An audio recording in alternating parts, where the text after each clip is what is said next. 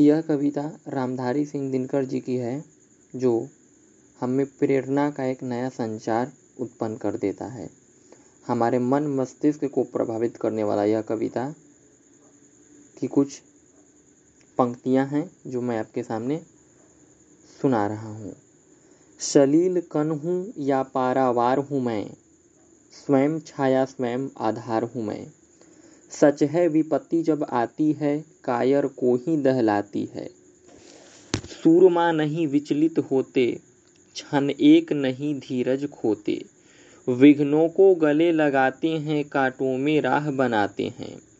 मुँह से न कभी उफ कहते हैं, संकट का चरण न गहते हैं। जो आ पड़ता सब सहते हैं, उद्योग निरत नित रहते हैं। शूलों का मूल नसाते हैं, बढ़े खुद विपत्ति पर छाते हैं। है कौन विघ्न ऐसा जग में, टिक सके आदमी के मग में। खम ठोक ठेलता है जब नर, पर्वत के जाते पाँव उखड़। मानव जब ज़ोर लगाता है, पत्थर पानी बन जाता है।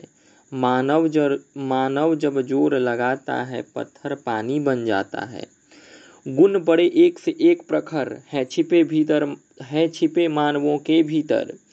मेहंदी में जैसी लाली हो, वर्तिका बीच उजियाली हो, बत्ती जो नहीं जलाता है, रोशनी नहीं वो पाता है, रोशनी नहीं वो पाता है।